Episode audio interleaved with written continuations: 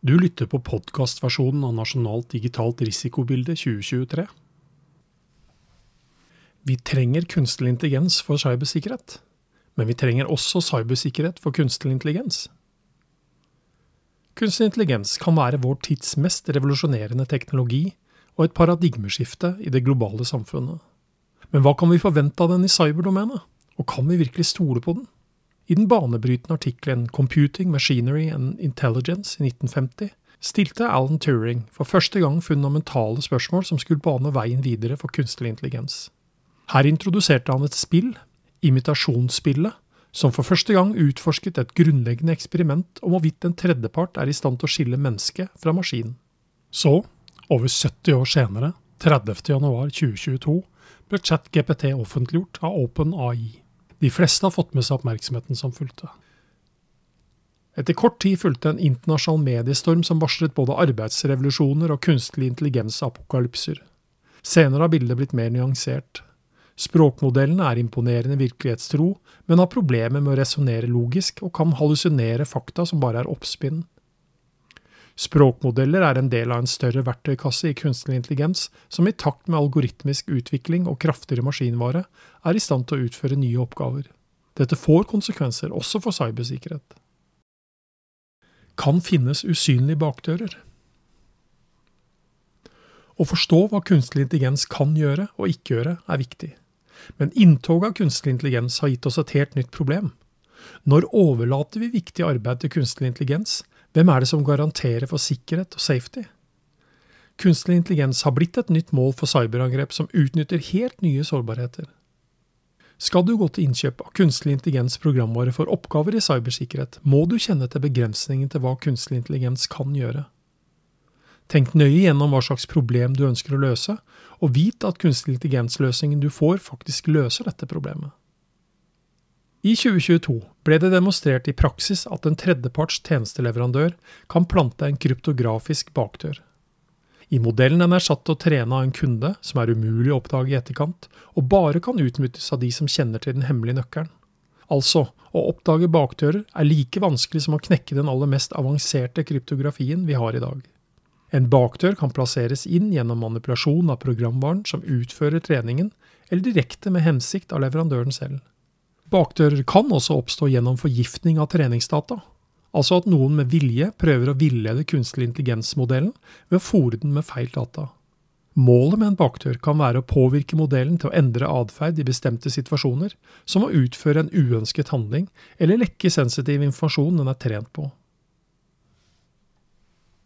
Vær varsom med datasett. Sårbarhetene kan altså utnyttes i hele kunstig intelligens-leverandørkjeden, fra treningsdata til modeller og programvare. NSM er involvert i utviklingen av teknologi som på sikt kan gjøre en tredjeparts leverandør av modelltrening i stand til å legge ved en digital kvittering. Kvitteringen beviser at modellen den har trent på for deg, er et korrekt resultat av en spesifikk maskinlæringsalgoritme, trent på nøyaktig den dataen du som kunde sendte inn. Tilsvarende teknologi kan brukes til å garantere at programvaren du bruker til å evaluere modellen, gjør alt korrekt. Man må være varsom med kjøp av treningssett fra en tredjepart, da tukling med treningssettet kan få målrettede effekter i modellen. Man bør også tenke nøye gjennom om man har trent på sensitive data før man deler tilgang til en modell med andre. Aktiv forvirring og ondskapsfulle eksempler. Selv om programvare og treningssett ikke skulle ha feil og mangler, så kan likevel modellen ha egne svakheter. Noen sentrale utfordringer i kunstig intelligens har i det siste blitt løftet. Motstandsdyktighet mot manipulering, og hvordan hindre lekkasje av sensitive treningsdata. Gjentatte ganger har det blitt vist at det ikke er vanskelig å lure kunstig intelligens som brukes til klassifisering. Et eksempel å få et bilde av en katt til å bli klassifisert som et hus. Dette kan gjøres gjennom små endringer på datafilen, som får kunstig intelligenssystemet til å tro at dette er et hus. Eksempler som er laget for å lure klassifisering, kalles for ondskapsfulle eksempler, og er en potensiell sårbarhet som trusselaktører kan utnytte til å omgå kunstig intelligensdeteksjon.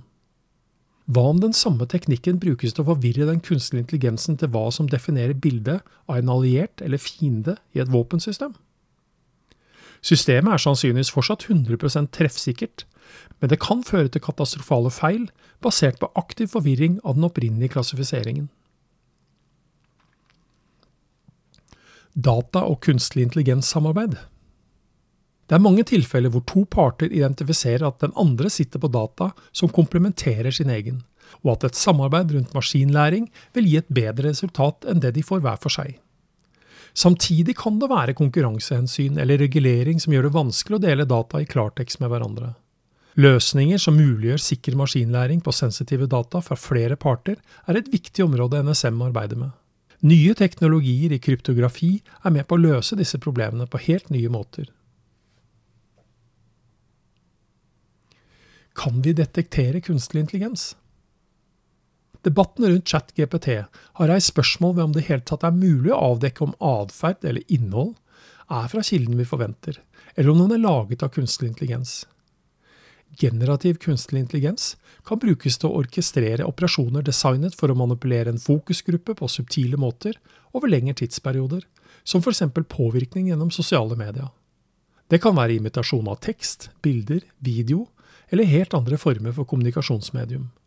Selv om generativ kunstig intelligens til en viss grad er designet for å imitere virkeligheten, så er den fortsatt begrenset av noe, og det er dette noe NSM og mange flere systematisk forsker på. Du har lyttet til podkastversjonen av Nasjonalt digitalt risikobilde 2023, og mitt navn er Roar Thon.